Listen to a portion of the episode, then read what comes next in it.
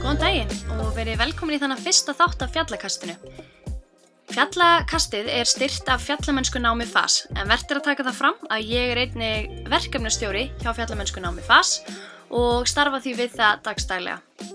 Fjallamennsku nám FAS er 60 eininga nám sem líkur á tveimur önnum. Námið er sérhæft nám í fjallamennsku og er ætlað fyrir þá sem vilja auka eiginfærni eða starfa við fjallamennsku og leiðsögn. Nefendur fá tiltekin réttindi innan fagfélags íslenskra fjallaleiðsögumanna, AEMG og einni viðkenda þjálfun í fyrstuhjálp frá landsbyrgu, svo eitthvað sé nefnt. Námið er bæði verklegt og bóklegt og ég vil endilega hvetja ykkur til að kynna ykkur þetta nám frekar á fjallanám.is.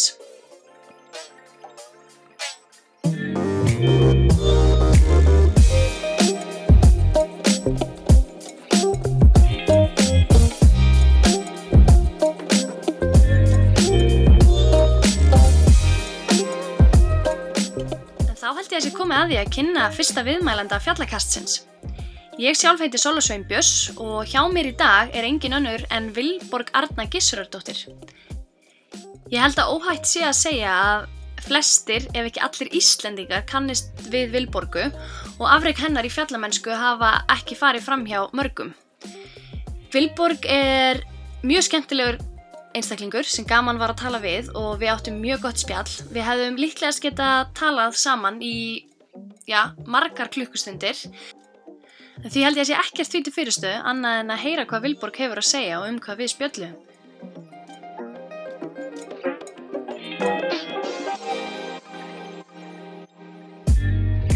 Sæl Vilborg, takk kærlega fyrir að gefa þér tíma og koma að tala við mig.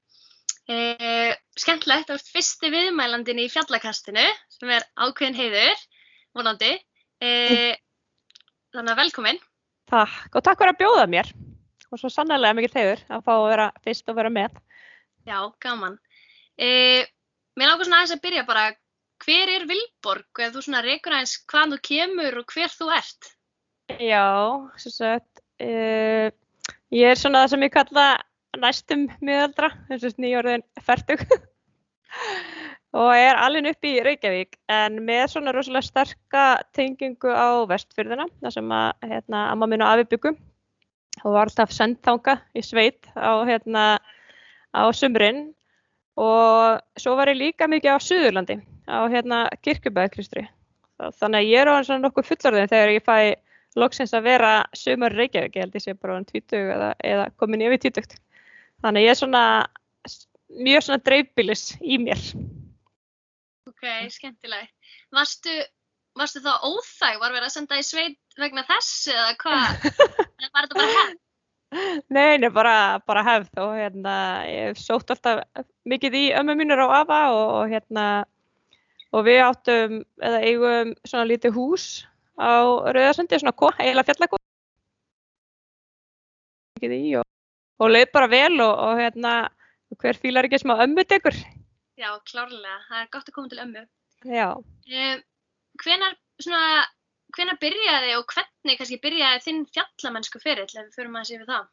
já, svona, sko, ég, sko þessi náttúrutenging var alltaf rosalega sterk í mér og, og það er kannski þessi tengingu vestfyrði.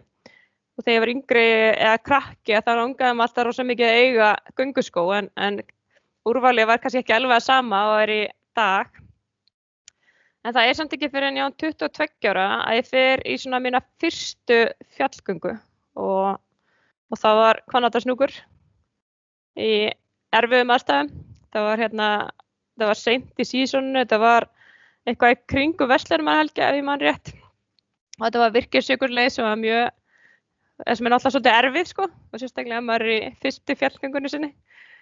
Og hérna, og það var eiginlega bara svona snjúbylur og hérna það var 20 tíma ferð og hérna svona ímislegt og, og hérna, en þarna vissi ég bara, þarna var bara komin einhver svona tenging og tenging við fjallamennskuna og hún var mjög sterk. Og ég leitur svolítið upp til þeirra sem voru að leysega í þessari ferð. Og mér langaði svona, ég fann bara, mér langaði til að gera þetta.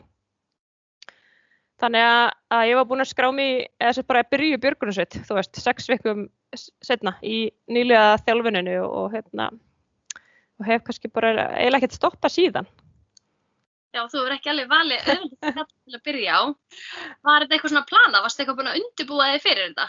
Nei, ekki neitt. Þetta var eiginlega bara þannig, sko, framan að, hérna, svona þegar ég er svona rétt fyrir tvítugt, kringu tvítusaldurinn, þá voru áherslu mínar lífinu kannski, hérna, svolítið aðrar. Mér ótti meira gaman að dansa á skemmtistöðunum í Reykjavík og, hérna, ég meira sér reykti á þessu tífumbili.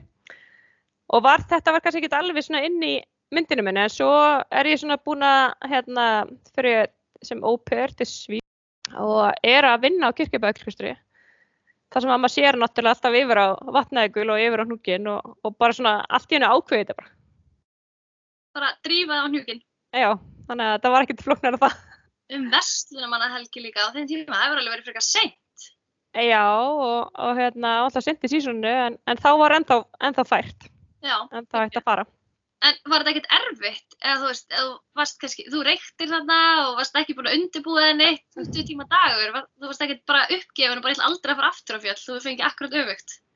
Já, ég var svona, ég var þetta hægt að reykja þarna, svona til dæla nýhægt og svona komin hérna svona íþróttahugur í mig aftur, þú veist, ég hafði verið mjög aktiv í íþróttum svona fram, svona aðeins inn í mentaskólan og hérna og var svona komin aftur með svona íþrótta áhuga. Ég var búin að taka út þarna þessi, þessi ár, svona, með hot, hotnin, eins og maður segir.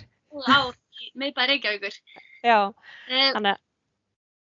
Þannig að þú skráður í Björgunarsveit í kjölfarið Já. og ferði í nýlega program, gerir ég ráð fyrir. Já. Í hvað Björgunarsveit fórstu? Ég fór í Björgunarsveitina Ársæl og þarna myndaðist rosalega svona þjættur og skemmtilegur hópur og, og hérna, eins og náttúrulega gerist ofti í þessi björgunarsveita starfi að, að þarna eignast maður líka vini og, og ég man svona að vinahópurum minn á þessum tíma sem ég var að byrja og ég var að læra að síga og gera hitt og þetta og, og tala ekki um neitt annað og allir komur hundlega með í kringum mig sko. En, en þarna svona átti maður félaga þú veist, þú veist þetta er einhvers svona reynsla sem maður gengur í gegnum með öðrum. Og hérna og maður á eitthvað svona sameigilegt og það er svo oft þess að með þessa ferðarreynslu eða reynsluna sem maður gengur í gegnum í, í fjallamennskunni að, að hérna svona það er ofta erfitt að útskýra en fólki sem maður upplifir hérna með það er eitthvað svona myndast einhver svona tenging á milli. Já, skemmtilegt að nefnir þetta því að einmitt ef maður er einn að útskýra tilfinninguna eða það sem maður upplifir fyrir svona þeim sem er ekki í þessum heimi þá er þeir oft bara, þú ert klikku. Já. Já, enga veginn. Þannig að það er, það er gaman þegar maður einmitt finnur svona hóp sem er með þetta sameinlega áhugamál að vera úti og vera á fjöllum. Já, þetta er svona stuðningur og, og hérna, og já, og bara svona vinskapur sko. Já, en þú klárar þá vantilega nýlega program eh, hérna tveimur árum setna eða hvað? Já, og fer svo inn í svona undirbúningsprogram fyrir hérna, við kallum þetta undarennunar sem var þá fyrir svona undanfara program og stuttu setna að flytja í norður og er í háskóla fyrir norðan og er svona næstu fimm árin þá er ég mikið að leiðsega. Ég byrjaði bara strax að gæta þarna þegar ég var Sérstu byrja í björgunarsutinu 22 ára og 23 ára og þá er ég farin að gæta svona sömarferðir og hérna og er að gæta í gegnum allan háskólan og ég læri ferðamannafræði og er þá svona að leita mér upplýsinga um þennan svona adventure túrisma og, og hérna legg svona svolítið mikla, mikla áherslu á það. Og er síðan farin að gæta hnúkin upp úr 2005 þannig að þá fyrir maður að eða, eða sömurinu þar. Eða hérna vorinu þar og svo sömurinu á, á hálendinu og það var rosa gaman og, og gefandi og Og svo fer ég í framhaldsnám, ég fer í tökja ára MBA nám þegar ég er uh, svona rétt að fara að skrýða í þrítugt og þá svona gerist minna svona þau tvö ár og bara tekur allan tíman. Já, hvernig ertu þá útskrifast úr því námi? Uh, ég er að útskrifast uh, 2010 10-11 en á sama tíma er ég búin að taka ákverðunina að fara svona inn í, þú veist, gefa þessari æfintýramennsku sjans og þegar ég er að klára þarna síðustu önnuna að þá ger ég svona viðskiptaáallin um það hvernig ég ætla að komast á Suðupólinn. Ok. Hvað, af hverju var það söðupóllin svona sem að heitlaði? Um, sko ég hef alltaf haft mjög sterk, sterka tengingu inn í svona uh, svona þess að svona, svona könnunarleðungra eða svo leis. Það er rosalega áhuga á því og var náttúrulega búin að vera að lesa veist bækur og, og fylgjast með uh, þessari þróun svona, þessari leðungur sem höfðu verið að fara og fekk bara einhverja svona þörf og ég hefði farið hérna yfir vatnaugul stuttu áður í skíðaferð, mér minnir að vera að fara í apríl svona, þetta var alveg svona við lettum alveg svona veðrum. Og það sem við erum að býða af okkur storm við ættum að komast að stað að býða einhvern sólarring eða eitthvað sluðis að þá bara kemur þetta til mín. Bara, þú veist, í kollinu á mér og ég sagði bara, ok, ég er farin heim skipilegja sögupólsliðangur Já, það er alveg smá stökk að fara frá því að þeir eru vatnajökul og fara svo á sögupólinn Já, En hvernig, þú veist, þú byrjar að gera þessa viðskipta áallun uh, það er vantilega enginn í skólanu verið eitthvað, já, þetta er leiðin til að fara á söðupólinn og geta leiðbeintir eitthvað þar. Uh, kannski ekki margir sem hafa reynslið að skipulegja leiðangur á söðupólinn uh, hvernig, þú veist, hvernig hvernig undirbjóstu þig? já, sko ég sagði einhvern frá þessu. Þú veist, þetta náttúrulega bara var það stórt verkefni og kannski eins og margir kannast við, þú veist, ég var rosalega hrætt um að feila, þú veist, og ég vildi ekki, þú veist, ég vildi ekki alltaf að fara að sögupólinn og svo myndi ég kannski aldrei komast ánga eða eitthvað svoleiðis. En ég bjóð samt til pressu á sjálfa mig og ég treysti tveimur félögum sem að voru hérna, báðir pólfarar sem að sérst, báðir farið á pólinn og ég treysti þeim fyrir þessu og ég vissi svona að ég myndi einhvern veginn ekkert vilja að þeir myndi spyrja mig setna, þú veist, hvað er fórst aldrei. þannig hérna, að þannig bjóð ég til pressuna. En að öðru leiti að þá sagði ég bara engum. Þú veist, ég var bara heima í leini að vinna að þessu. Þú alveg fengið bara kvartningu frá þeim strax í upphæð, bara já, do it Já, svona, nei, þetta er ekki fyrir þig eða þú ert ekki þar, þú sést ekkert svoleiðis viðmót nei, aldrei. Nei. Og hérna, jú, svo reyndar sagði ég svona, kannski með svona besta vini mínu frá þessu og, og hérna, það hefði verið að sigla Ruspusund á Grænlandi og ég ætlaði sami við hann um að fá að sigla með og ég hefði verið að gæta í þessum ferðum. Að fá að sigla með og verða eftir í einu húsi sem að ég hefði séð þarna sem var svona eins og uh, svona veiðihúsi eða þannig. Og þá var ég sérst að æfa mig að vera einn þú veist hvernig var að vera einn í svona rosalega svona afskektu umhverfi. Og hérna og þá voru Íslendingar sem hefur verið um borð og þeir náttúrulega skildi ekkert hvað ég var að hugsa bara og pæla. Og þetta er mjög skrítið já, hvað hérna, þú veist, varstu bara strax í búin ákveð þú ætlar að fara einn? Nei, e, það, það, nei, og fyrst sá ég ekkert fyrir mér að fara einn, en svo kannski átta ég um á því að, að það yrði kannski frekar erfitt að finna félaga í svona verkefni.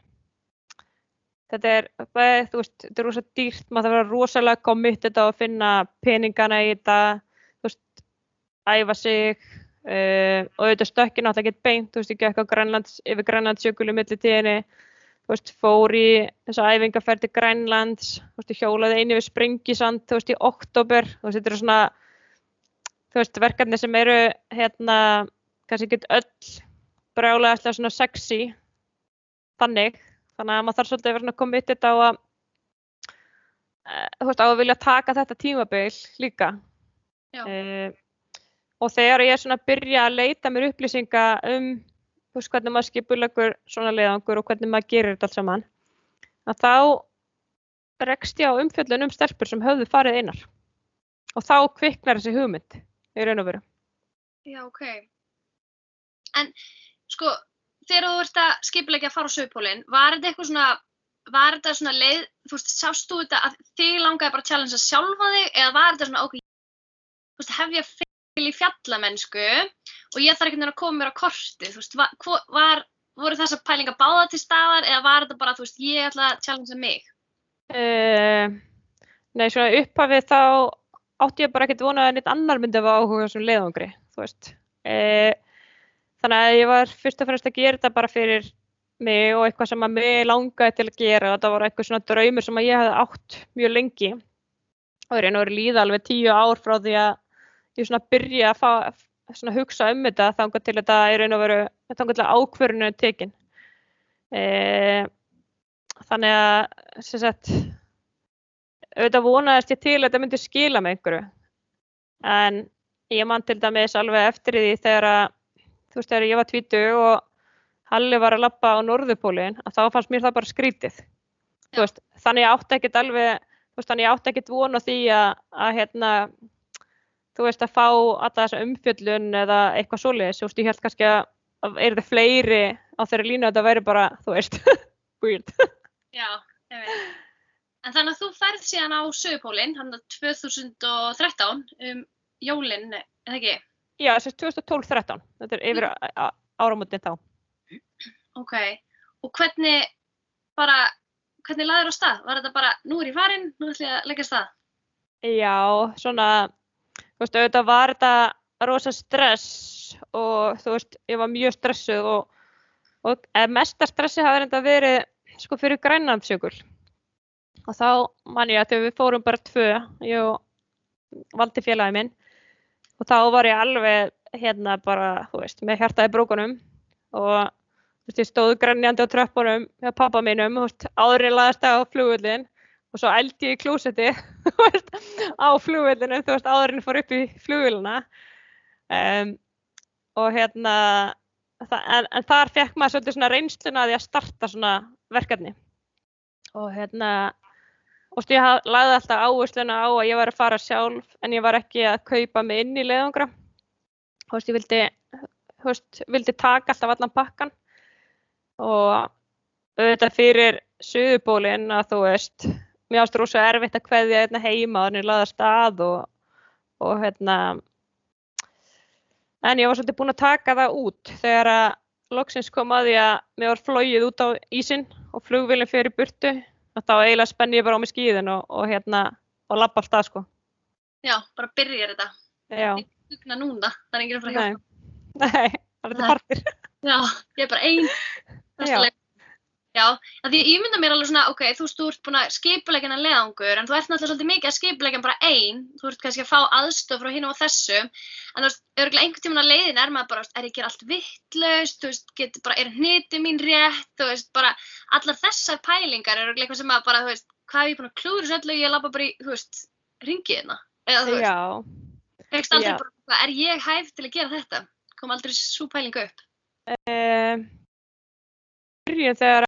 hvað, er að maður er hrættur um að feila en, en ég var búin að fara í gegnum rosalega mikla svona andlega vinnu veist, með sjálfa mig þú veist, ég undirbúið mig veist, eiginlega svona meira andlega heldur en fysiskt myndi ég segja sko.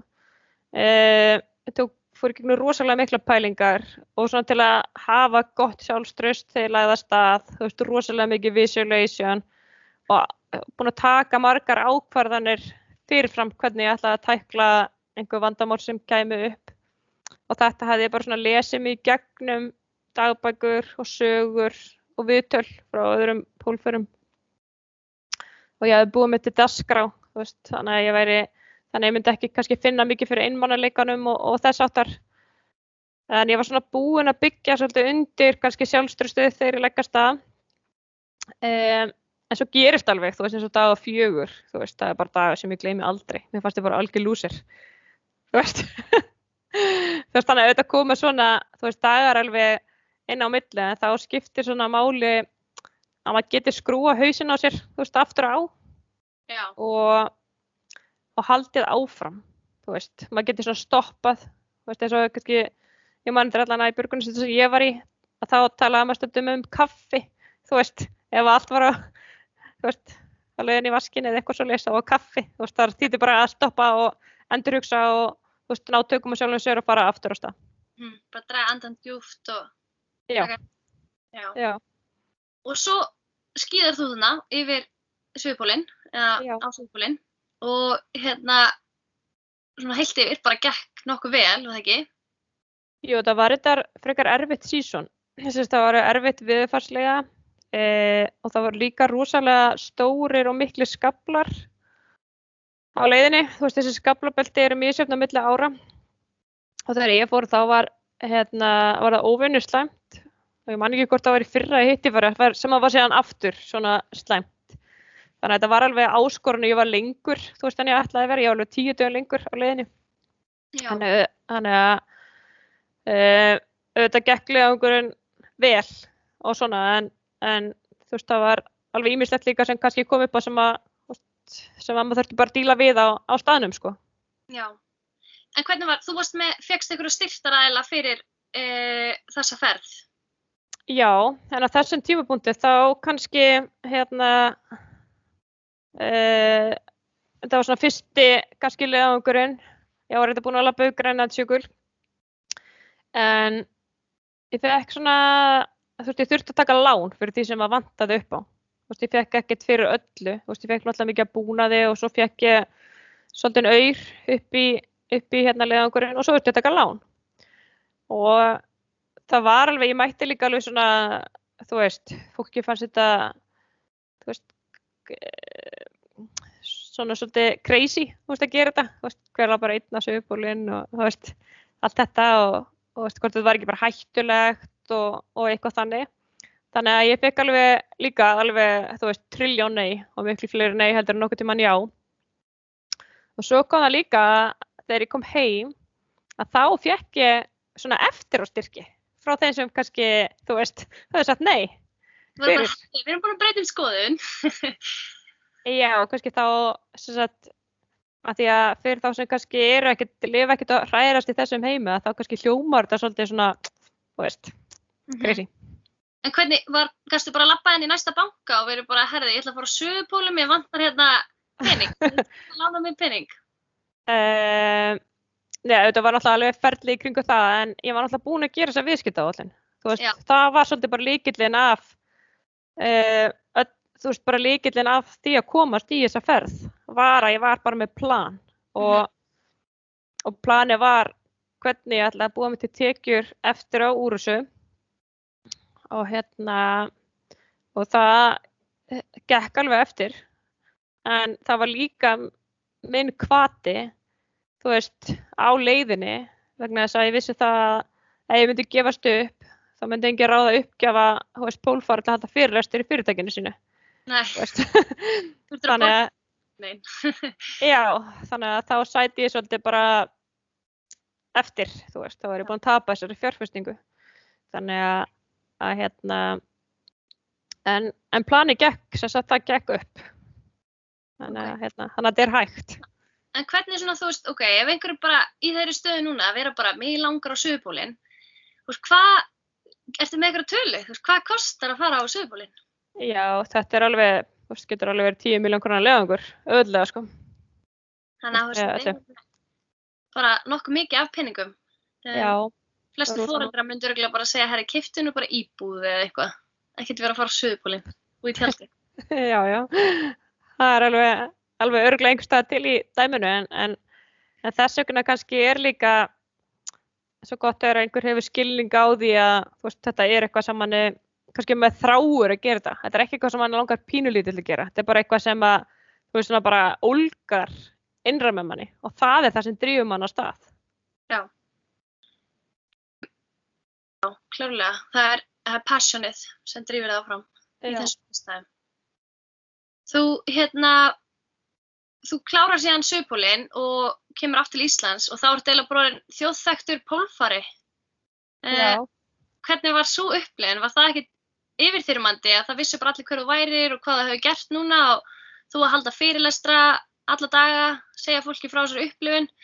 Uh, var það eitthvað sem bjóst við eða varstu undirbúin undir það að koma heim og þurfa að segja allum frá þessari sögu og allir ótrúlega áhuga samur um að vita allt um Vilborgu?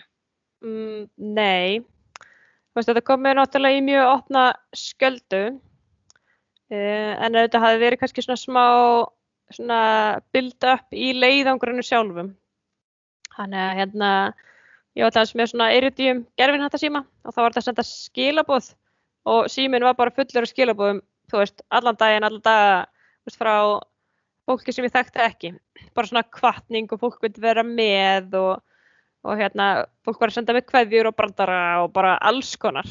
Og hérna, og vinkonum minna voru alltaf að senda mér ykkur lindó þú veist þú veist, einhver að kynst einhver strák og einhver var ólétt og eitthvað sem skilur það var aðeinslegt og hérna þannig að, að ég fann alveg og fjölmjölunni alltaf hringdu mikið ég var alltaf mikið viðtölu með að ég var leiðinni. Þannig að auðvitað og það kom mér svo óvart hvað voru margi sem hefðu áhuga. Já. og hérna en svo náttúrulega kem ég heim og ég kem heim og já bara, þú veist, nýtt líf. Það, bara, það var alltaf öðru í sig hættur en lífið aðri laðast að sko. Já, einmitt. Og í kjálfari hérna, finnur þér nýtt verkefni eh, sjö tindar eh, og upphafi ætlaði að gera það á einu ári já. sem er alveg nokkuð stort verkefni. Eh, Varstu búin að plana þetta, þú veist, sjö tindar var það svona, var plani bara ok, þetta er næsta skref? Um var það, var það, þú veist, af því það var svo mikið, það var svo mikil umfjöldin fannst þetta að vera eitthvað svona, þú veist, var ákvörðin tekin af því að það var mikið í sviðsljós, hvort að ákvörðinu kom bara alveg frá þér, þú veist, af því þið langa á þessu sjötunda eða þetta var svona næsta skref líka því að þú varst orðin þekkt hitt, eða þú veist, þekkt yeah. fjallamanniska. Nei, ég tek ákvörðuna bara kvöldi sem ég næja á sögupólinn. Já, ok. Þá, þá tek ég þessu ákvörðun og langaði til að halda áfram. Um, Sjötindarnir urðu líka svolítið fyrir valinu að þeim fyrst alveg óbúslega gaman að ferðast og veist, mér finnst gaman að fara inn í nýja menningar heima og, það, og ég sá þetta svolítið líka sem svona tækifæri til þess að hérna til, þú veist, til þess að gera það þess fylgir svo rosa mikið ferðalög. Um, þú veist, fjöldin eru náttúrulega miserfið og sumuru, þú veist náttúrulega öll svolítið há. En þú veist sum eru svona trekkingfjöll að meðan önnur eru svona kannski aðeins meira hardcore leðangursfjöll mm -hmm. Þannig að þetta er líka mjög góð svona veist, blanda ef maður ætlar að vera að í heilt ár. Já, einmitt. Sitt lítið að hverju. Já. og einmitt gaman að fara til mismunandi heimsálfa, ger ég ráð fyrir. Já. en fyrir þá sem ekki vita hvað sjötindar eru þá er það svo að hæsta fjall í öllum heimsálfum. Þingur er rosalega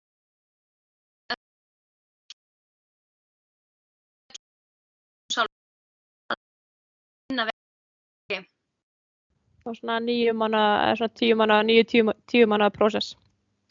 Og hvernig, þú veist, hvernig að vera í þessu, þú veist, það lítur að vera rosalega mikið álag, e, bæði, þú veist, skipulagning, e, safna pening, vera vissum að einhver sé að borga brúsan, einhverju leiti allavega. Já. Og einmitt reyna að skapa í tekjur með fyrirlestrum og annað, en samt að hafa tíma til að fara út. Hvernig var svona að skipulega allt þetta? Já, það var náttúrulega alveg crazy ár sko. Og hérna, þú veist, ef við verðum að fara að gera það aftur eða núna, þá var alveg margt sem ég myndi gera öðruvísi. Þú veist, ég myndi að reyna að hafa þú veist, einhvers konar svona, þú veist, við varum alltaf með svona eins og fjölskyldubakland og vini og svona sem er svona mikið support. En ég myndi kannski reyna að hafa e, líka svona bakland sem ég er kannski að, einmitt kannski aðstofu að búka fyrirlestra eða, þú veist, tekið hliðina vegna þess að, þú veist, ég sá um alla samningarna mína sjálf, e, veist, fóru alla fundina sjálf. E, og þetta er rosalega stressandi og þetta er náttúrulega rosalega mikið hark.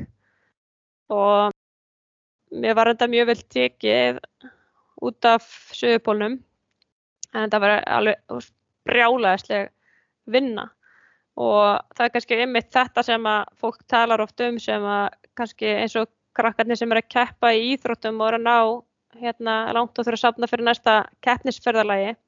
Það fyrir rosa mikill fókus á bara veist, allt umstangið í kring, veist, að geta borgarreikningana sína eða þú veist, að því að, að með þú ert í svona þá ertu kannski ekki að sapna þér inn, veist, einhver lífyrsrættindum eða eitthvað svo leiðis.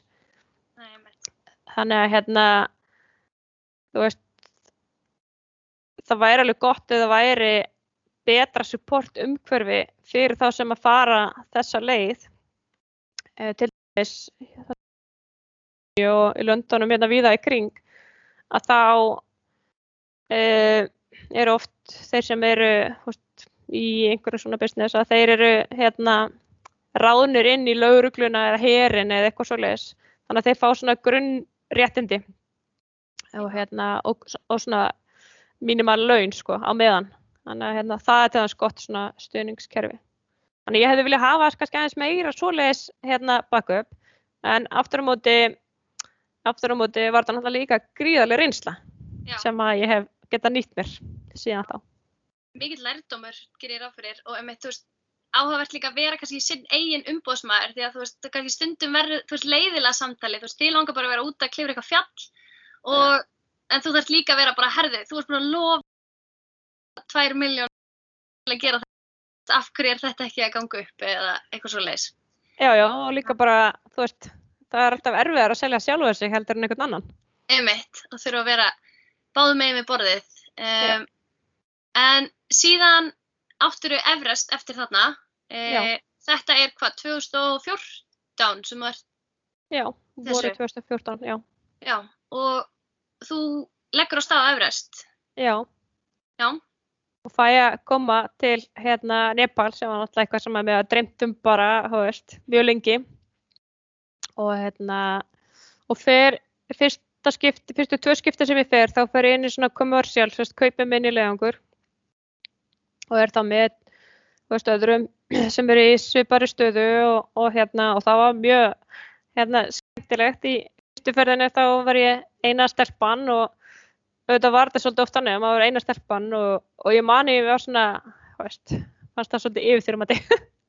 Já, og hérna, en við sem sagt leggjum að stað og, og fyrir að náum upp ykkur umbúður og erum búin að vera þegar að verður slis í kumbu ísfallinu og svona fellur svona sér ekki niður og, og verður flóð, mikið flóð og, og fellur yfir hópa mönnum sem að sérpum, allt sérpum sem að voru að fara í gegnum Ísfalli og voru að fara að preppa ofar í fjallinu og, og þetta var svakalega mikið slis og erfitt að horfa upp á þetta svona, maður er svo lítill maður er svona, finnur svo vel hvað maður er lítill sko.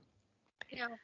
Þetta er náttúrulega, er ekki bara mannskæðasta slís á Everest síðan 1996 eða, Jú, sem sagt og sem sagt það voru fleiri, það voru 16 sem að týndu lífi þarna og, og fara náttúrulega alveg heljarna björguna aðgerðir í, í gang og sérst fjalla hérna og þyrlur sem að sem að koma og, og í mínu búðum þá ég var hjá mjög vel svona útbúnu fyrirtæki Adventures Consultants mm Mhm.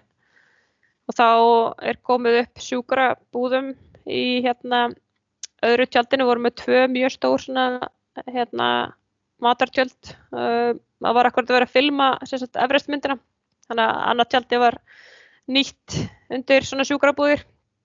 Og, og þarna vorum við að, að taka á mótu þeim sem voru að koma uh, niður svona walking hérna wounded. Og þeir sem voru meira slasaðir fóru sérst inn á um, það sem að er svona og Everest spítalinn þú veist það er náttúrulega alltaf settur upp svona spítalabúðir á Everest á hverju voru. Og síðan eh, var náttúrulega að vera að fljúa hérna þeim niður sem að sem að týndu lífi. Og þannig að þú sérð rosalega mikið og, og hérna stundu talað um you can't unseen what you have seen. Og þetta er alveg þannig þetta er svona manni, þú veist, bæði það sem maður sér og líka það sem maður horfir upp á heimamennin að sjá. Þú veist, það er rosalega mikill sásöki óvissa þú veist, hver er hérna uh, uh, það sem ég hef svona greift í minni á henni sem var fljúa manni niður sem var klættur í rauðan galla. Þú veist, og þetta er svona pælingarnar þú veist, hver var í, hver var í rauðan galla þú veist, hver er að koma þarna niður. Þannig að það er eh, bara, þetta var, já, þetta var mjög stórt slis já. En þú ert þarna á fjallinu uh, og þetta þú veist, vantarlega er bara allt að gerast og mikið um að vera uh, og það var svona, þú veist, ég var að lesa til þess bara í fjölmjölu og það var verið að spyrja bara, þú veist, þú ætlar að fara á fjallið, uh, mm -hmm. voru svona spurningar sem fegst í kjölfari og svona uh, og það var til dæmis annar íslendingur á fjallinu á þessum tíma sem svona fljóta eftir þetta segist ætla að fara á fjallið mm -hmm. og þú náttúrulega svona á milli tannana hjá fólki, þú veist, að fólk veit og ert í þessum leiðangri hvernig var svona, þú veist, að vera í þessar aðstöðu þurfa að taka ákvörnum, þú veist, ætlar að halda áfram, ætlar ekki að halda áfram Já. og kannski líka, þú veist, með e, bara sponsor, skilur, þú veist, með einhver fyrirtæki sem er að borga þér, þú veist, var það eitthvað sem hafði áhrif á þín ákvörðunatöku, þú veist, varstu hrætt við að veist, peningar eru vandamáli og myndir hætta við, eða þú veist, var þetta eitthvað sem að var vandamál hjá þér eða kom upp? Nei, raun og veru ekki sko, ég hef alltaf verið mjög þú veist, skýr með það að hérna reyna þú veist, bæði hvað var það svona reyna alltaf að velja örugustu leiðina eða þú veist, mér finnst, mér finnst skiptamáli, þú veist, maður er að fara inn í einhverja aðstæður og þú veist, það eru margir að býða, þú veist, fjölskyldaðin er að býða og vinnirnir er að býða og eitthvað svona og veist, þannig að þetta er ekki bara þú, veist, þetta eru allir sem eru kringuðu líka. E, og það var svona, þú veist, fyrst og eftir, það var mjög svona sérst ástandi í grunnbúðu var þannig að sumir ætluðu kannski að halda áfram, aðri ætluðu ekki að halda áfram, þú veist, og svona einhvern veginn, þú veist, mjög alltaf bóðið að halda áfram þegar að minnlegangur hætti við. Og þú veist, mér fannst einhvern veginn, ég gæti ekki rétt þetta, þú veist, mér fannst ég bara einhvern veginn ekki geta farið. Þetta var bara einhvern veginn, uh, þetta var, þú veist, það hefði krafist þess að margir sérpar hefði náttúrulega þurft að halda áfram að vinna, þeim langaði ekki til að vinna, þú veist, ég trúði að fjallið hefði talað, sem var svona stört kannski í bútismannum, uh, þá ætti að setja fólkin í veist, traumatískar aðstæður, veist, kannski hefur þá verið þú veist í slísinu eða, eða eitthvað svo leiðis um, þannig að mér fannst þetta bara ekki þú veist svona, svona markmið, svona, þú veist eins og klífa efraust, það er aldrei eins virði að setja þú veist fólkin í það að sem er að supporta því að þeim líði ekki vel á meðan, þannig að mér fannst ég bara ekki ekki geta rétt að þetta áfram og langaði bara ekki til þess, þú veist, þar að leiðandi En þú veist eins og, eins og þínir styrtaræðilar, hafið þeir fullan skilning á þessu eða var þetta eitthvað sem varst búin að ræða fyrirfram þú veist og segja þú veist ef að, ef að uppkjöfum svo staði get ekki haldið áfram, þú veist var það eitthvað sem er rætt eða þú veist hvernig var það? Ég man ekki til þess að það hefði verið rætt eh, þannig nema bara á þeim fórsöndum að ég myndi ekki leggja þú veist þá lífið mitt kannski hættu fyrir hérna eh, fyrir verkefni en en það var alveg, ég fekk bara alveg fullan stöning og ég hef alltaf verið mjög svona hörð á því að hérna það er alls konar hluti sem ég er kannski ekki tilbúin til að gera. Og, hérna, og það veist, og það hef þá aldrei verið aldrei verið neitt hérna vandamáli, ég hef aldrei fengið svona já Aldrei, nokkuð tíman Já, það er, það er gott að heyra. Uh, af því að maður hefur alveg lesið bara svona e, það komi upp svona vandamál þar sem fólk er svona á milli steins og veist, í þessum heimi og, og, hérna, og þú veist, fólki sem að er að klífa fjöllin, veist, er að gera þetta af ástríðu og kannski ekki peningarlega hliðinu og það getur verið erfitt einmitt, þú veist, þegar peningarnir eru til staðar en fólki ekki með skilning á hinum endanum. Já, er alltaf, ofta er kannski að íta fólki yfir eitthvað brún sem að það er ekki tilbúið til að fara og það er að skilja við svona einhver ákveðin, einhver ákveðin svona mörg uh, en svona ég veit ekki til, ég veit ekki til þess að á Íslandi að þetta hafi verið svona að hafi verið mikið verið íta á á fólk, allan upplýði ég aldrei svona pressu. Nei, það er gott. Um, Ertu þarna bara staðræðan í að reyna aftur eftir þetta? Já, þess að stíkjum heim og, og var í miklu svona sjokki eftir þetta og, og svona, ég verður svolítið meitt í kjölfarið. Um, ég var alltaf búin að vera aður svo lengi og ég var búin að ganga mikið á kroppin á mér og, og svo les og þannig að nei, eh, svona kannski ekki alveg ákveðin en svo fer ég til sálfræðings og, og ég fyrir svona í hlutunum og ákveðurinn voru að fara bara eiginlega fljóta aftur á bak en samt á þessum tíma kemst ég eiginlega bara ekki esjöuna þegar ég var alveg í haki bara líkamlega haki Já, en hérna ákveði sérst að fara aftur á bak og veist, ég kom mér aftur til Nepal í, í lok ágúst á leiðinni á hérna Choyu já, og þú ferð í þann leiðangur án auka súrefnis, ekki satt, með alla Páls. Já, við sem sagt, hérna, það var svona low budget, hérna, leiðangur. Það var svona, hérna, fyrir utan, fyrir utan allar, hérna, fjárhagsáhaldanir það ári. Og hérna, þannig að það var unni rosa hart sumari til að, hérna, eiga fyrir leiðangurinnum og, og þarna var svona komin þessi þrá að maður búin að fara einu sinni í, þó maður hefði ekki farið upp en í 8 metra leiðangur þannig að maður er búin að sjá sérst, utanumhöldið og aðdragandan og, og, hérna, og hvernig svona leiðangur er skipulegur og svo leiðis. Þannig að maður komið með svona aðeins meira í puttana og ég hefði líka, þegar ég var í þessu sjötunda verkefni þá náttúrulega hefði ég bæði lært rosalega mikið og svo hefði ég líka verið sjálf með íslensku fjallalöðsömmurum að leysa ferðir, ferðirnar, hlutaði. Þannig að ég var líka komið með svona ákveðna reynslu þeim meginn frá og, og þarna langaði mér sérst til að reyna að púsla þessu öllu, öllu saman. Þannig að við förum og eina sem við kaupum er Basecamp Service síðan bara á eigin vegum á fjallinu og bara bera dótu okkar sjálf og stassa og, og hérna, gera allar áallanir sjálf og, hérna, og völdu það að fara að reyna við fjallið án, án súrefnis og hérna það var Og læ- já, það verður lærdomsríkt. Já, Þú fær síðan hérna sóló á 8 metra tind, uh, Já. aftur til frá að snúa. E, og í kjálfari verður fyrsta konan til að fara 8 metra sóló og svo á pólinn sóló. Er það já, jú. Varstu meðvituð um þetta þegar þú varst það á fjallinu? að nei. Og ég hef ekki hugmynd um þetta. Og svolítið fyndið að, að hérna er raun og veru setja svona einhver tvö, ég veit ekki hvað, hvað kalla þetta svona, þú veist, þegar fyrir pólinn að þá verður yngsta konan sem að, þú veist, hefur farið sólulegur og, þú veist, ég pældi ekkert í, ég hef ekki hugmyndu það. Og sem er kannski svona margs kannski um að, þú veist, maður, hvatin til að fara er ekki til að, þú veist, setja einhver met eða eitthvað svo leis en svo, hérna uppgötur þetta bara svona, ég er búin að vera tvær vikur heima eða eitthvað, þá allir Já. dúkar þetta upp Fyrst það svona certificate frá Guinness World Record, er það eitthvað svona þengi? en, já, ég hef aldrei, aldrei sótt um það en, en margir hafa, hafa sótt um svo leiðis, já Já, ok, já, þú þarf að sækja um það sem sagt. Já, það þurfti að fara í einhvern svona, einhvern svona prósess, en, en ég hef aldrei farið þá, þá leið, kannski einhvern tímann, ég veit það ekki. Einn daginn fyrir að fara að safna skiltunum. Já, ég veit ekki alveg, ég veit ekki alveg, það verður ekki alveg verið svona mitt þeng, sko.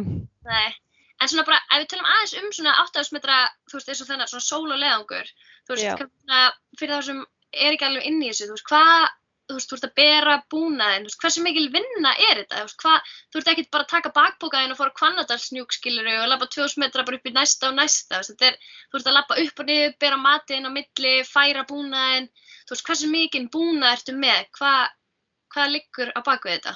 Já, maður reynir auðvitað að ferðast sem léttast en auðvitað er þetta, þú veist, maður þarf svona háfjalla búnað og, og, hérna, og vistir og gas og, og allt þetta.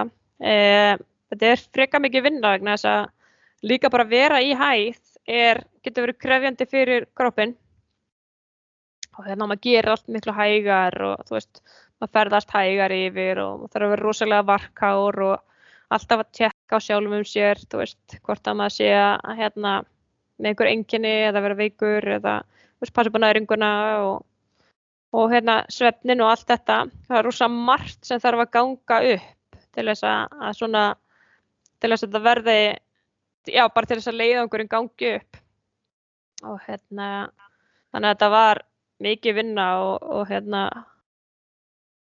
líka fólk sem er kyrði fram úr sér Já. og sem að til dæmis toppað og, og Östuríða síðan ekkert vissi þegar að kom hérna niður og gæti ekki var ekki sjálfbörga með að fá sér mat eða drikk e, e, og þess Já. og hérna og það svona við brá rosalega að sjá það þú veist.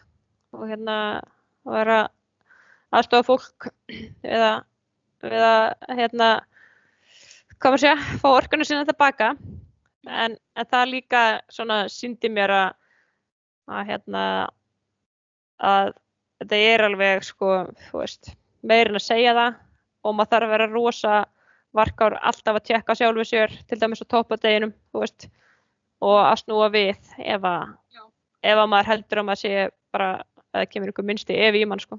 Já, gaggrinnin á einn og, svona, og hvað er gerast? Já, og bara, þú veist, og það var rosa svona fyndið að ég hafi keift svona einhverja útýra lænira, ég veist, ég er rosa duglega verðlaði hérna bílskursbúðunum í Nepal. Og, hérna, og ég fara að keift mér einhver svona útýra lænira inn í hérna dúnlúfinnar og svo, þú veist, trúum maður alltaf að tjekka á sér. Svo ákveði ég að tjekka puttanum á mér. Og ég tek puttan úr og þeir eru fjólblóðir bara algjörlega fjólubláðir og ég alltaf fæ bara eitthvað áfall þú veist, ég er bara komin upp í 8 metra og ég er bara með fjólubláða hendur. Og ég sé bara ég verði að fara niður, bara oh my god það er bara eitthvað hræðilegt að fara að gerast hérna. Svo svona lítið á puttan aftur ég bara, þetta er nú eitthvað, þú veist. Svo sleiki ég svona puttan og liturinn fer bara af. Þú veist, það var þetta bara þú veist, það var þetta bara liturinn á vetningunum þannig að maður þarf alltaf að vera þú veist þú veist, hverju er þetta finna skýringar og, og svona. Já, akkurat fyndið. Eh, síðan 2015 leggur á stað Everest í annars skipti. Já. Og ertu þarna bara meira tilbúin en eða svona til, betur tilbúin heldur en aldrei fyrr? Já, ég var rosa tilbúin, bara rosalega tilbúin. Og hérna og hafði alveg lagt mikið á mig til að vinna úr því sem ég hafði gert árun áður. Og hérna hlakkaði líka bara til og, og hérna hafði fengið smá svona suðrúm til að hérna þú veist, undirbúið mig betur að maður getur sagt sem svo þannig að hérna, þannig ég var bara svakalega þegar ég kom út. Og spennt. Og það fer ekki alveg eins og þú hafi planað. Eh, það verður stór jarðskjálti í, í Nepal, eh, 7,9 á ryktir, ekki? Jú, hlust. Og þú ert þarna bara í grunnbúðum þegar þetta gerast? Já, ég er, í, hérna, ég er upp í fjallinu. Ég er í fyrstu búðum. Já. Ég er í hérna, rotation. Og veist, þetta er náttúrulega bara, það var alveg svakaleg upplöðin og, og hérna við, við vorum sagt, komið upp í gegnum Ísfallið deginum áður þannig að við vorum bara í svona aðlöðunar kvild ef maður getur sagt sem svo við vorum bara eitthvað chillað í tjaldinu og trúnu og eitthvað og, og allt í hennu kemur bara svona dingur svakalega mikill dingur og við stökkum út svona okkur bregður sko. Ég held að það væri ofna sprunga undir tjaldinu eitthvað. Það er svona veist, það sem maður gistir er svona, maður gistir eiginlega á, á milli svona sprunga, þú veist, á svona stórum hérna ísbreyðum og hérna ég er bara, ó nei, þú veist, það er ekki bara jökullega reyfingu, það er ekki bara eitthvað opnast hérna. Og hérna við stökkum út og þá bara byrjar allt. Rosa læti, rosa drunur og rosa hristingur. Og það sem hérna það sem að fyrstubúður eru að það er svona dalurinn, svona vestangúman er svona þrengstur þú veist. E, e, kemur svona bratti niður og þú veist auðvitað fara hlýðarnar alveg á flegi ferð og, og bara næsta sem við sjáum er snjóflóð og svona heyrum í því koma niður og veist við öskurum eitthvað bara yfir kampin og svo hlaupum við bara inn í tjaldið og, og grúfum okkur niður. Og maður veit ekkert hvað er að fara að gerast veist, við heldum að snjóflóða væri að fara að hæfa okkur. Og þú veist þannig að það er náttúrulega rosa skelvingur og rosa ótti. En við svona eiginlega rétt sleppum tjálbúðin að rétt sleppa. Fyrstu tjöldin sem voru semst næst flóðin og þau flöttist út af hérna kraftinum Já. og alltaf rosa spindrift þannig að maður sér ekkert alveg strax eftir að flóðið hérna rýður yfir. Og svo er þetta náttúrulega bara stendur maður bara og þú veist hvað gerðist? Og hérna og leiðangustjórun okkar uh, Guy Cotter hann tekur talstöðuna og, og er svona alltaf kalla niður í grunnbúðunar og yfirleitt þá eru svona grunnbúðunar kannski örgast í staðurinn. En það sem hans fær bara að heyra er bara Basecamp has been demolished, veist, nothing left. Og þá er náttúrulega fallið risaflóð á hérna, grunnbúðunar, svona kannski einn þriði af, af grunnbúðum sko. Svona rétt aðeins kannski fyrir ofan hérna miðjuna. Og, og þar voru menn slasaðir og algjört neyðar ástand. Og hvað hva tekur við? Já, svo er þetta náttúrulega, þú veist, það er rosalega margar tilfinningar sem fara að þú veist, maður hrættur, þú veist, það eru eftirskjáltar, e, veist, það eru náttúrulega, e, hérna, sérpara að vinna í, hérna, búðunum okkar og þeir náttúrulega ekki hugmyndum, þú veist, heimilið sín eða ástvinna sína eða eitthvað svoleiðis og við heyrum talstöðarnar, þú veist, neyðina í, sem er niðri og það er ekki nokkuð leið að komast niður. Þú veist, það náttúrulega ísfallið er náttúrulega búið bara flegiferð þannig að það er enga leiðir til að komast niður. E, fyrir það það er bara stór hættulegt að meðan að allir hérna, skjáltarnir eru að ríða yfir þú veist, kemur annars snjóflóð veist, hvernig líður fólkinni heima? Og það er svona kannski hefur einhverja hugmyndum það að svona munir rata í fréttinnar e, þannig að maður áhugjör fólkinu sem maður hefur áhugjör fólkinu. E, þú veist, þannig að maður er bara þú veist, alveg brjálaðislega hrættur uh, og svona einmitt vannmáttugur og að því að ég hafði náttúrulega verið aðna áruna áður þá kannski hafði ég svona einhverja hugmynd um hvernig ástandi í grunnbúðum væri. Og hérna og það er rosa vond að get ekki veist, að get ekki hjálpað. Og svo náttúrulega verður myrkur. Og þegar kemur myrkur að þá er kannski enda allt í gangi. En þú sérði ekki neitt. Þannig að maður bara liggur og hlustar og hlustar og hlustar. Veist, hvaðan kom þessi druna og veist, hvað er að gerast núna og, og svo les. Já. Hvað hérna, þú veist síðan í kjölfari ákveður að hætta við fara að fjallast, það var eitthvað inn í myndinni að halda áfram þarna, eða var þetta bara Nei, nei, það var bara öllu kansilara Já, og hérna þannig að það var það var náttúrulega bara stór tjón og, og hérna og náttúrulega all landið bara undir.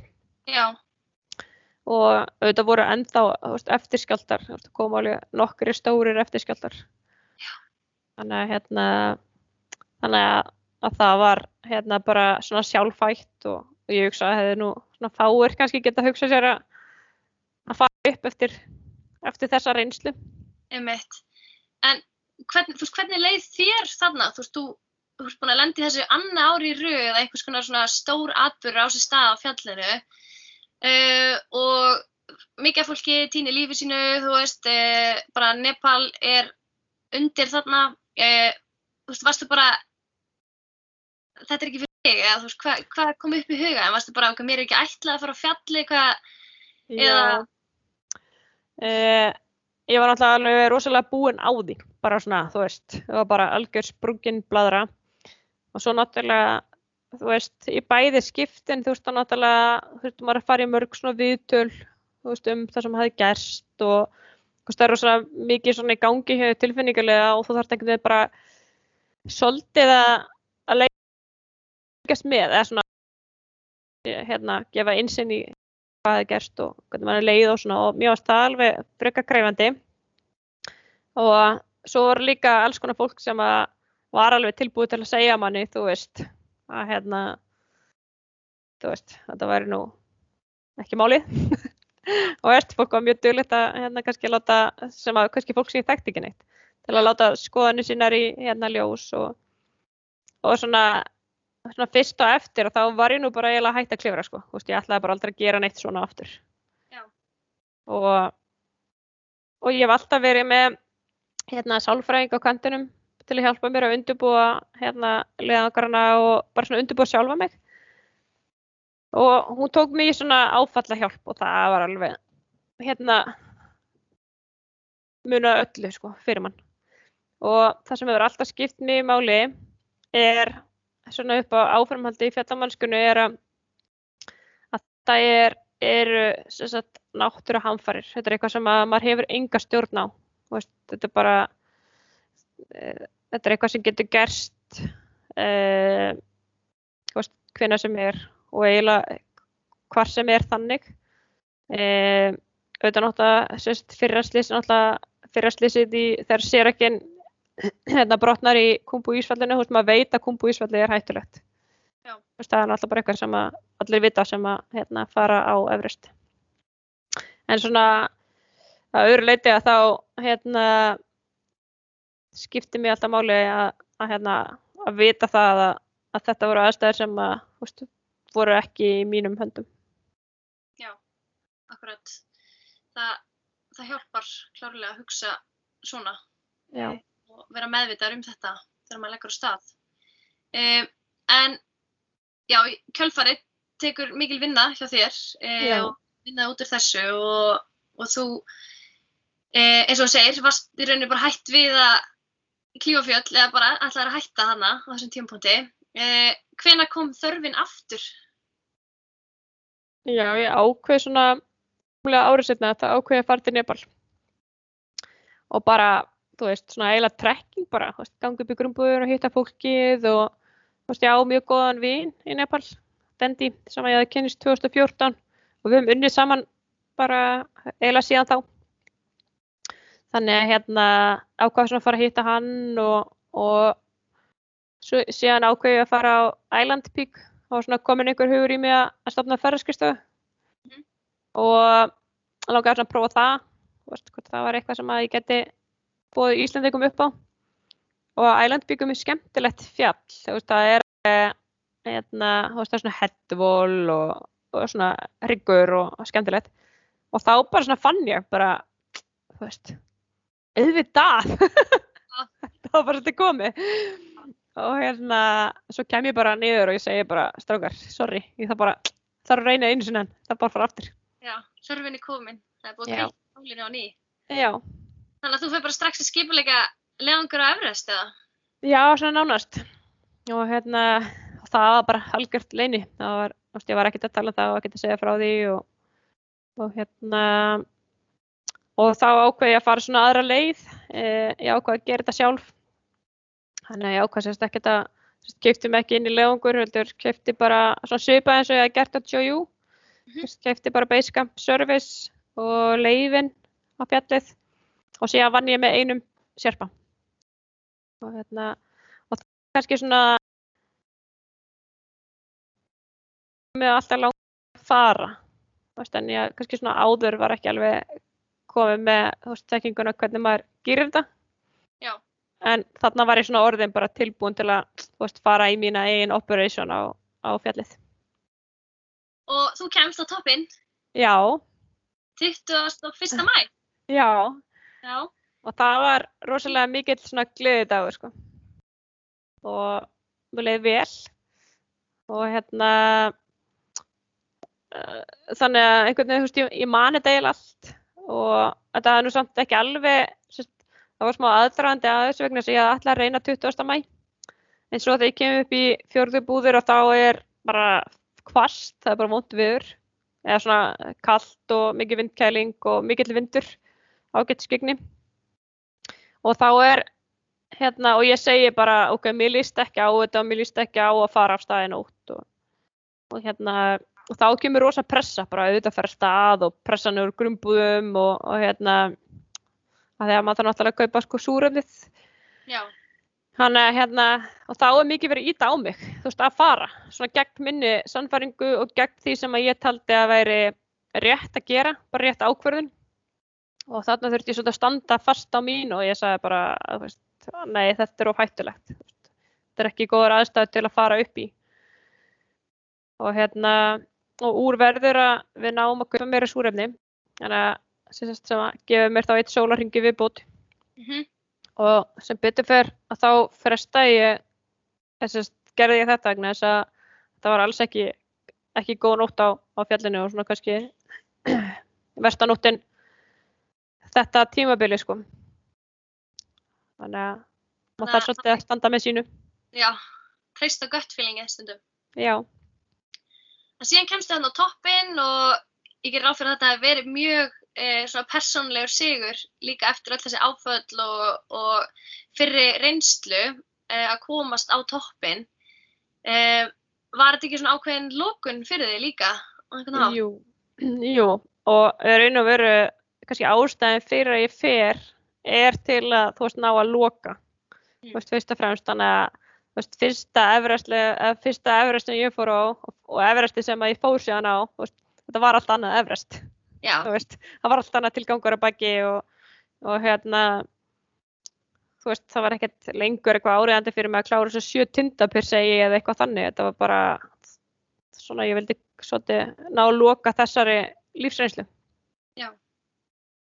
Uh, Þannig að þú ert svona allavega búin að loka þessu markmiðum, búið með söðupólinn, búið með tindan og sjö. Já. Varstu strax bara þarna þegar þú stóðst á toppnum fyrir að plana næsta legangur eða? Nei, þarna ákvæði ég bara, nú ætlum ég bara, þú veist, að njóta þess að hafa gert þetta Já. og bara svona, þú veist, sjá bara hvað kæmi næst. Uh, ég hef alltaf verið með markmið að fara á Amata Blam, það var svona stærsta svona það sem draumurum minn þannig Já, sem þú gerir síðan Já, sem að 19? Já, fyrir árið síðan þá fórum við þángað og hérna og það var líka svona mjög langþráð og hérna hafði lengi langað til bara alveg frá til lunga árinni koma fyrsta skipti til Nepal hafði mig hérna langað til að fara á það fjall sko Og þið fóruð hvað, söðvestur hrygginn eða? Já, sérst orginaliðina. Já, og þetta er svona oft talið, hvað, erfiðast að fjall í heiminum af svona kommersial fjöllum, hefði ekki? Jú, þetta er svona, um, já, það er svona alveg tæknilegt á köplum og þetta er svona hryggjalegir og þetta er svona exposed, um, þannig að hann er alveg kræfandi, þetta er alveg lík, fysiskt, svona líkamlega erfitt, en alveg gríðilega skemmtilegt, veist, þetta er svona veist, þetta er svona harri útgáðan af Matterhorn kannski. Um, og hérna og þetta var svona, við fórum bara í svona félagaferð sko. Uh, veist, ekki, einmitt ekki ekki kommersiállega okkur, fórum bara nokkur saman. Já, skemmtilega Já. En þú varst eina konan í þessum hóp uh, mér, uh, og þú talaði líka um áðan hérna, þú veist á 2014 hefur þið kiptið inn í kommersiállega okkur á Everest Já. og verið eina konan í þeim hópi. Um, núna svona við spólum bara svona aðeins tilbaka og förum úr sögunni bara svona. Mm -hmm. um, hvernig, þú veist, hvernig er að vera kona í þessum uh, heimi? Já, það hefur verið alls konar. Þannig að hérna svona bara, uh, þú veist, fyrst þá var, var alltaf, þú veist, til að talað um þetta og svona þá kannski eina strákunum og eitthvað svona og það svona breytist, þú veist, ég fór að hugsa um þetta öðruvísi, þú veist, uh, ég er eina stelpunum, það er kannski fáa stelpur en ég er samt eina stelpunum, þú veist, ég vil ekki láta skilgreina mig sem, þú veist, eina strákunum og ekkert, ekkert að það, að því að ég hef eitthvað mótið strákum, skilur, en mér finnst skiptamáli að, hérna, að konur fái kannski, hvað mér segja, meira support til að fara inn í hann heim, að þetta er mikið hark og, hérna, og aðgengið ekkert alltaf auðvelt og það getur líka stundum fyrir einhverja kannski verið fráhrindandi.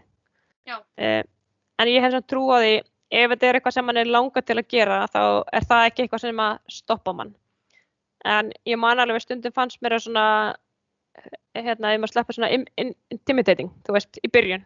Svo náttúrulega bara, veist, vandist það og, og svo fara náttúrulega hlutvillin að breytast, þú veist, á þessum til dæmis árið sem við var að þarna 2014 til 2017 það sem er mikið hérna inn í þessu að þá þessum herri fjöllum að þá sé ég alveg svona hlut allt hvenna hækka.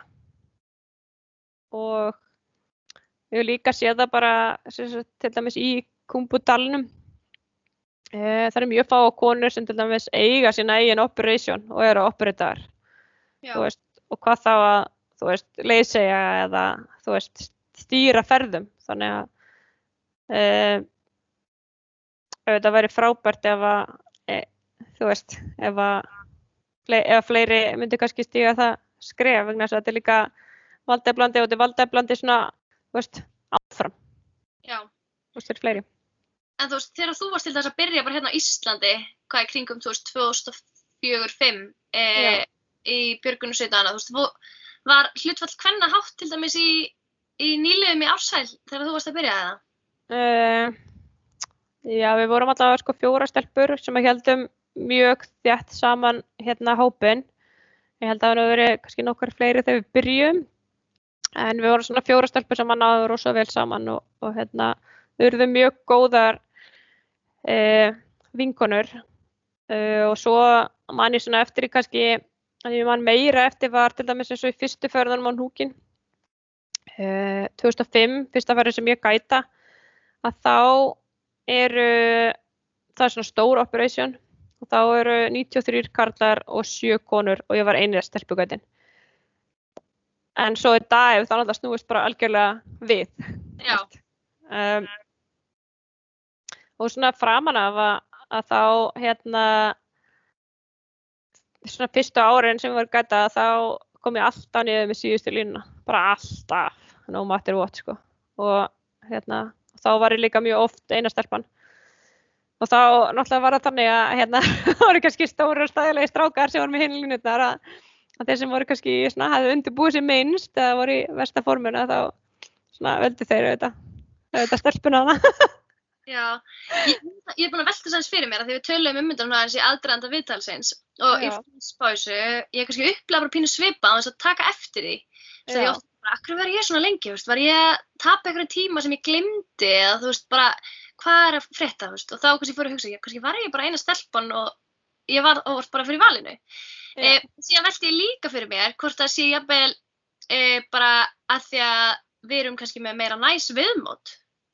Þú veist, þannig að einhvern sem að svona er kannski með einhverjum smá veik hrættar frekar til einhvers, þú veist, sem brosir svona skert á mótana eða eitthvað svoleiðis. Heldur að það getur verið?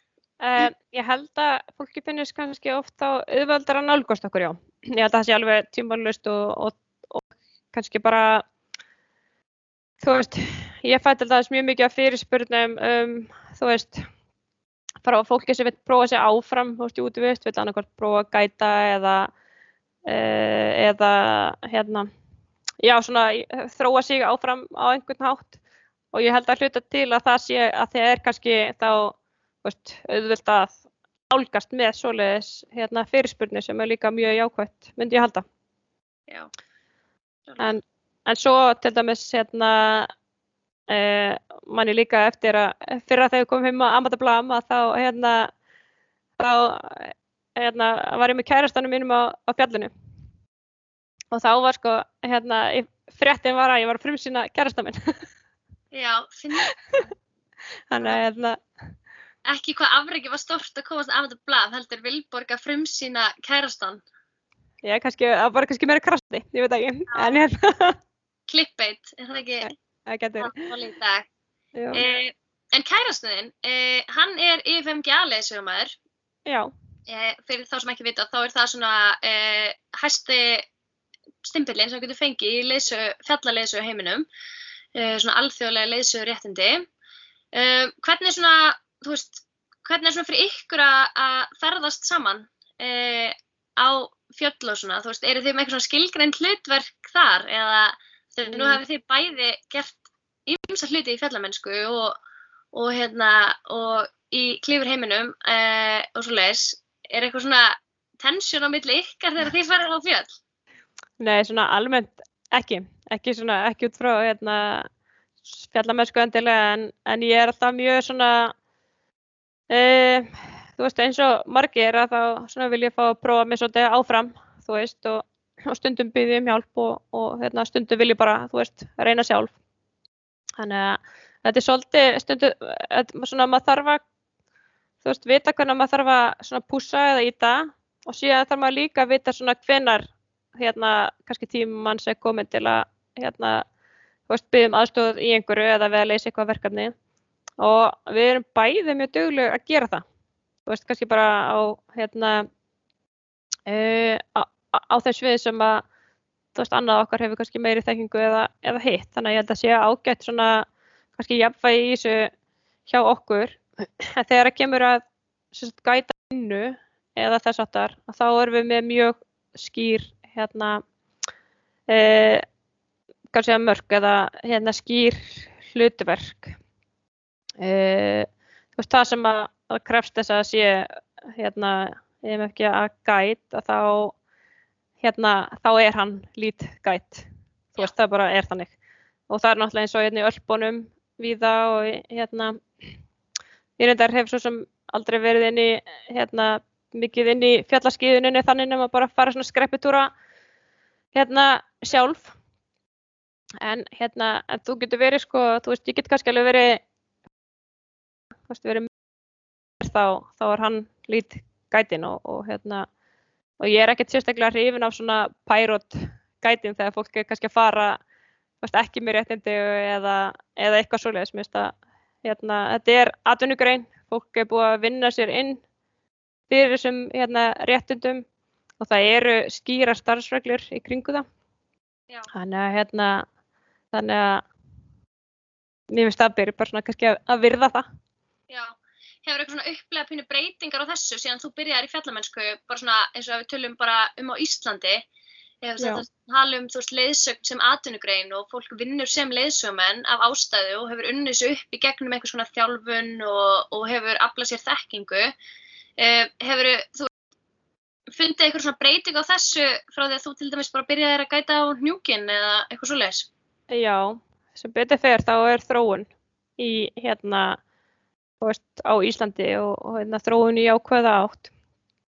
Hérna, þegar ég byrjaði þá var enginn sem að spurði mig endilega, þú veist, hvað kanntu eða þú veist, hvað ertu búin að gera.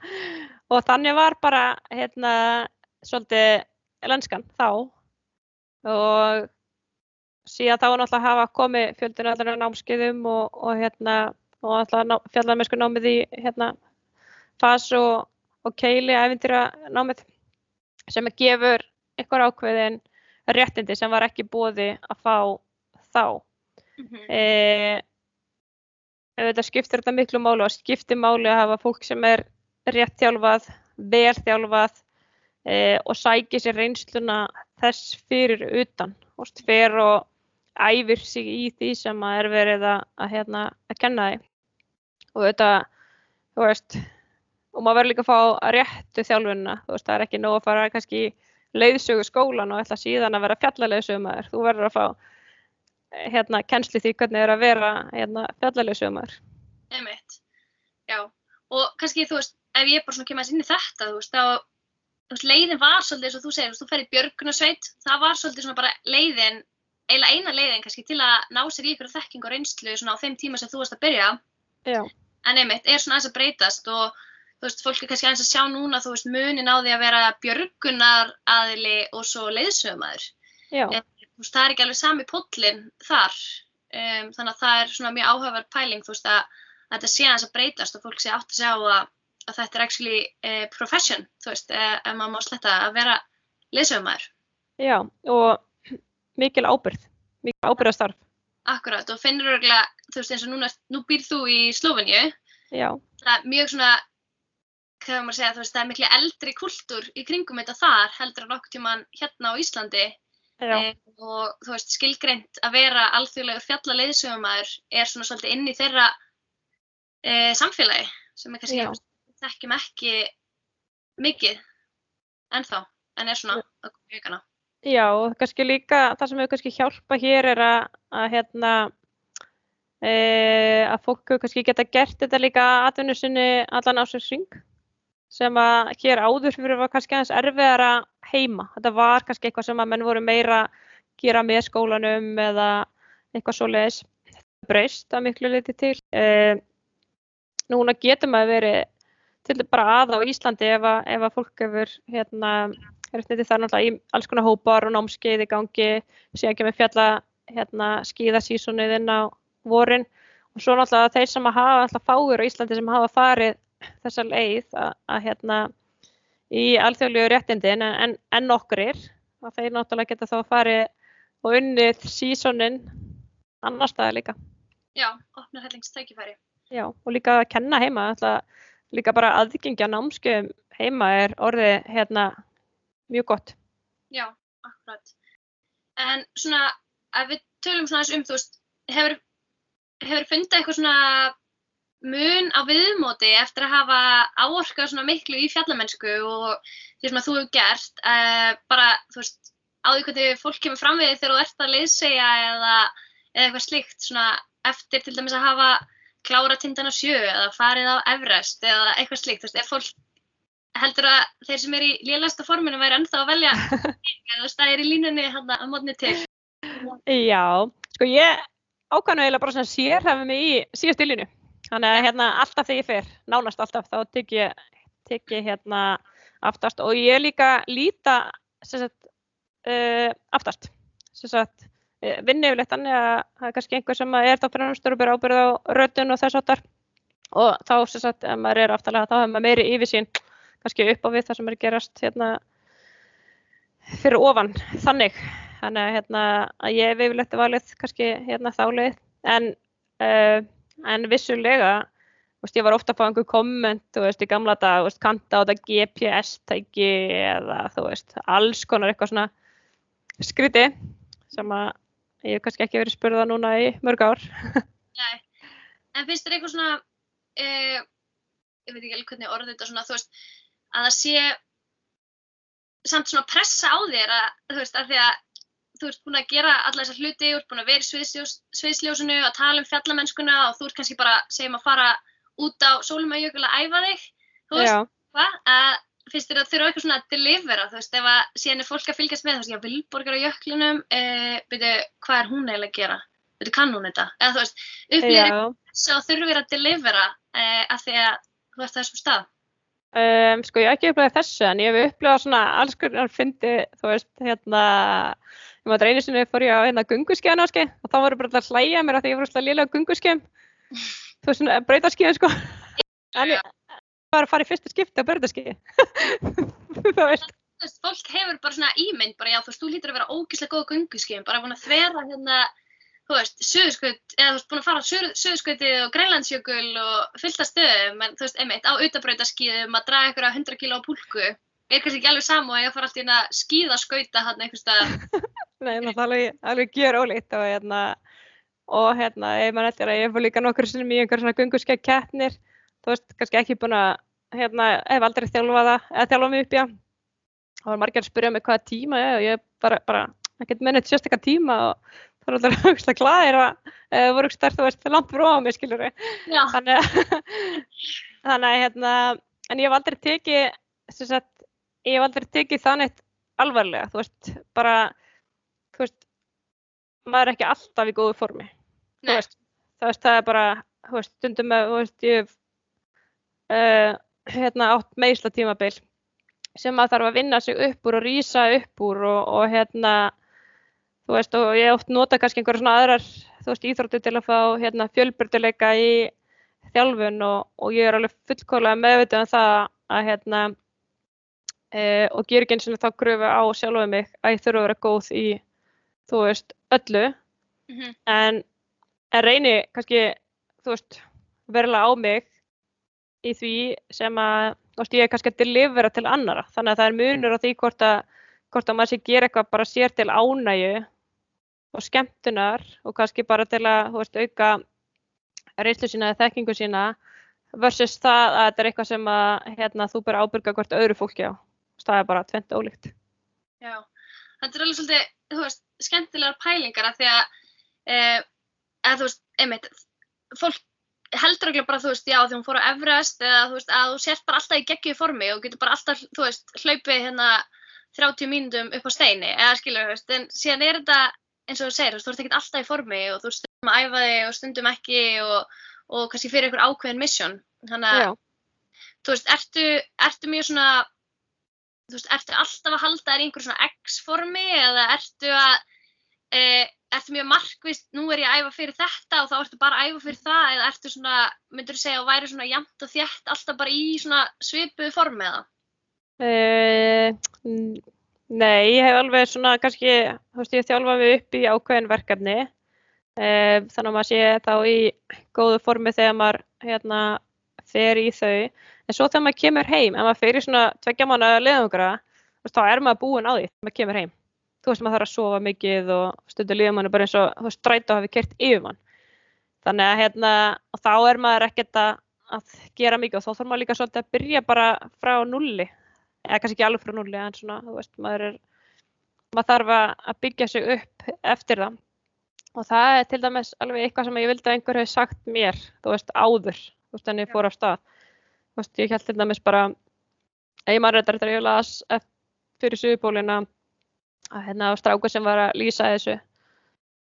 Og eftir Suðupólin, þú veist, þá var maður svo high on life að, að maður bara til í allt og bara, þú veist, þrýr fyrirlastar á dag og svo æfa og svo gera eitthvað. Og svo þegar ég kem á Denali, að þá lendi ég bara vekk. Þú veist, fyrstu tvær vikunar, þá er ég bara vekk en veist, ég náði að vinna mig út úr því en það var svona dýrmætt leksja og kendi mér svolítið bara fyrir það sem að hérna, koma á eftir. Um, þú veist ég líka lendi því, þú veist ég fengi brjósklús eða núna er ég hérna í endurhæfingu eftir að hafa slitið crossband og ég ætla þess að ákvaða að nýta tíman í endurhæfingunni í að byggja sagt, að vinna í grunnun veist, vinna í hérna uh, sérst, bara svona ákveðinu kannski grunnþjálfun veist, og ná svona ákveði jafnvægi, veist, á líkamann. Það er náttúrulega með um, þú veist, þegar maður er mikið að ganga þú veist, þá kannski verða ákveðinu við að vera sterkari, þannig að maður þarf að ná jafnvægin aftur tilbaka og núna er ég með hérna þjálfara frá hérna bandaríkjan er hérna er í hérna samstarfi fyrirtæki sem sérhæfi sig í þjálfun fjallamanna og það hefur verið með rosalega dýrmætt. Og hérna ég lært mikið á því. Og mér finnst það rosalega skemmtilegt. Og hérna og ég mælu bara með því húst, fyrir alla sem að hérna vilja byggja sig upp í eitthvað verkefni að fjárfesta í einhvers konar þjálfara. Vegna þess að það er svo gott að hafa einhvern á hliðalínu sem hefur það hlutverk að vera bandamæðurinn. Já, mér finnst líka oft sko svona í þessum fjallaheimi, þú veist að fólk lítur ekki endla á sig sem íþróttamann, þú veist, maður er bara að fara á fjöll og það er gaman og þú veist, maður er á skýðum og þú veist, er kannski að lappa 20-30 km á dag, jafnvel, e, með þunga bakpoka og svo kemur maður bara heim og þú veist, sérst bara í góðan ring og fæði sér eitt bjór og spjalla við vinnina og þú veist, það er einhvern heia eða hugsa um einhverju endurheimt eða þú veist, það gleymist oft, þú veist, að ég held að við séum, veist, það líkamlega aktíf að við erum náttúrulega, þú veist, á mörg, mörg hver bara íþróttamenn, skiljur við. Já, já, algjörlega. Og það er oft svona pínan önnur svona hugsun á baku þess, en við erum ekkert einhverju professional íþróttamenn, þú veist, við erum bara að lappa með fólk eða fara út, skiljur við, að því við höfum gaman að því, en ekki hugsunin einmitt að vera byggja upp litlu vöðvana eða smáðatriðin og svo skilur maður ekkert í því af hverju maður er mittur. Já, að þetta er svona, já, það er alveg saman, en ég held að þetta sé svona kannski aðeins að, að hérna, breytast og líka eftir þessum aðgengja upplýsingum verða meira og kannski eftir þessum fólk er bara að opna um kannski reynslu sína, þú veist, tala meira saman og, og hérna, þú veist, hvað mennur hafa verið svona fastu við, sko, og það er dýrmætti að fólk deili reynslu sinni og maður á ekki að vera feimin við það. Og maður er oft, oft feimi við það, þá heldur maður kannski að maður sé að segja, þú veist, maður fyrir svona impostor syndrom eitthvað mm -hmm. en málega er bara það svo gott ef mann geta, þú veist, eða þurfu ekki allir að gera sögum mystikinn. Já, mér finnst þetta um svolítið góð punktur, þú veist, að deila og deila of mikið þegar þú segir þetta, þú veist, eh, eða þú horfið bara svona eins og samfélag, þú veist, þetta fjalla samfélag og svona, þú veist, fólki sem er að fara út og svona, eh, þú veist, þessi stöðningur, eh, núna býr þú í Slófiníu, til dæmis, finnur mun á, þú veist, stöðningnum úti Eh, versus stuðningin heima eða samkeppninni eða, eða þú veist, er fólk meira til í að deila eða er allir bara sína aða eða finnir þau svona, finnir þau eitthvað mun á þessu hvort þú ert heima mm. eða úti? Sko kannski þeir sem að ég umgengst hérna eru, eru duglegir að deila svona kannski alltaf þeir sem að ég kannski kynst mest er svona sem ég kynst í gegnum hérna manni minn og það er þá kannski fólk sem er að fara saman í leiðangra eða, eða vinnur mikið saman E, mér finnst líka að fólk á Íslandi vera orði, svona vera opnara og það er náttúrulega að þakka að hérna, þú veist, það eru eins og til dæmis hérna og hérna, ég manni Jökull Bergmann, þú veist, ég hlusta á sögur frá honum. E, og leifur og kannski einhverju svona fleiri sem hafa verið duglegir að segja frá, þú veist, og hérna, og það er svona kannski og hérna Jóngudau líka mikið talað um þetta þú veist að, að hérna að vera duglegur að, að segja frá og, og hérna, þú veist, og opna og, og hérna, og bara hreinlega, þú veist, deila reynslunni, sko.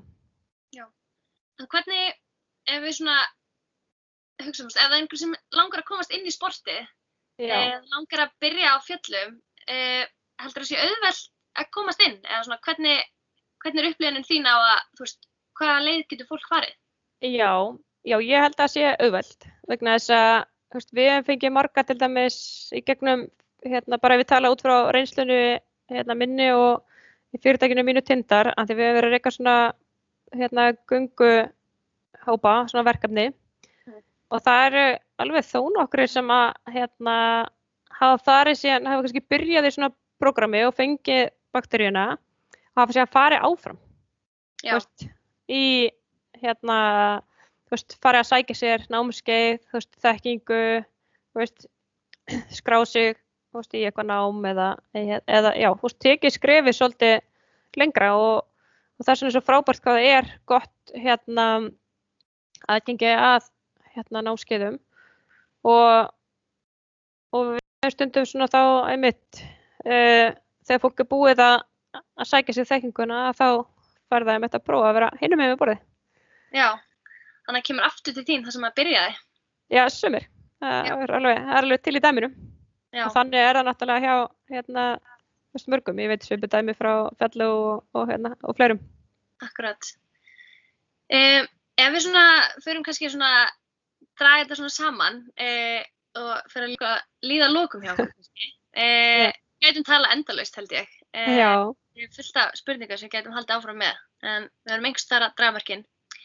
Um, er eitthvað sem þú myndir gera öðruvísi ef þú er að byrja á þessu ferli í dag? Já, fullt. Fullt. alveg hellingur. en aftur á móti þá tekum maður hérna ákvarnir út frá því sem maður veit á og það er yfirleitt reynslan, þú veist, sem að hérna fær mann til að skoðun eða, eða þú veist, vilja að gera eitthvað öðruvísi. Þannig að hérna, þannig að kannski eftir á að hyggja þá hérna kannski, nei, en ef ég var að fara að geta aftur þá hérna þá Já. var ég báttið margt öðruvísi. Já, einmitt. Um, en svona, er eitthvað svona sem þú vilt koma með fram á lókum eða segja fólki frá? Já, bara langar kannski bara aðalega einmitt að, að hérna þá veist að hvetja fólk bara áfram þú veist í útivistinni og gera hlutina svolítið á sínum forsöndum. Það er að segja um, þú veist, hvort sem mann er langa til að vera svona weekend warrior, þú veist, þá sem að vera að fara út um hérna, um helgar og, og kannski í hérna, þú veist, eitt stóran tóra sumri eða eða þeim sem langar til að taka þetta og gera einhvers konar atvinnu þú veist, úr þessu að hérna, að, að fylgja því bara, þú veist, Mm Fylg- að gera það sem það langar til að gera veist, taka þessi skref, veist, ekki vera hrættu við að byrja veist, það er tekið út í fólki, það eru tækifæri fyrir fólk e, og það er, alltaf pláss einhvers staðar, það var alltaf einhverju sem vantar vantar góðan gæt eða hérna, svo má nú líka bara, þú veist, kannski búa til sínu verkefni sjálfur þegar maður er komin á, á, á þann stað. Já, og líka bara vera kannski góðu ferðarfélagi ef það er það sem maður vill, þú veist, bara vera ferðast með öðrum. Eh, Já, Eh, Já. en svona til því, eh, er eitthvað svona markmið eða eitthvað sem er á dögunni hjá þér á næstunni, eitthvað sem þú ert að vinna að? Uh, kannski ekki, ekki neitt svona beint þannig, en alltaf núna er stærsta markmið mitt að, að, hérna, að klára endurhæfinguna. Já, svona cirka þrjá mánuði eftir þangar til að, hérna, þangar til að ég get fara að reyna á fótinn á einhverju alvöru. Uh, ég er í þeirri stöðu núna, ég get labba endalast upp í móti, þannig að ég vel mér fjöll til að labba á þar sem að Alice getur komið að sótt mig á toppin. Já, en hérna en þú veist, mér langar til að gera eitthvað skemmtilegt í Ölpunum á hérna næsta sumar, einhverja svona skemmtilega leið sem að er krefandi fyrir mig. ekki. Ef að fólki langar að fylgjast freka með þér, eh, hvar kemur þér? Já, ég er náttúrulega bæði á Facebook og Instagram undir hérna Vilborg Arna og hérna og minnst alltaf gaman að heyra frá fólki líka. Já, ekki. Eh, takk hella fyrir að koma og gefa þér tíma í að spjalla við mig og bara við hlökkum til að fylgjast með þér í framhaldinu. Það var rosalega gaman að fá að spjalla við þig og fá svona eins insinn í hvað þú ert að gera. Já, takk fyrir það og takk fyrir að bjóða mér.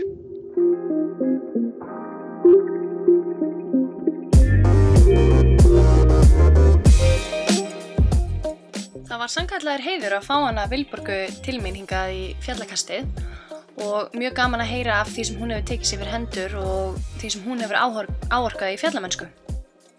En það er komið að lókum hjá okkur í dag og vill ég minna ykkur á að þið getið fyllt okkur á Facebook undir fjallakastið.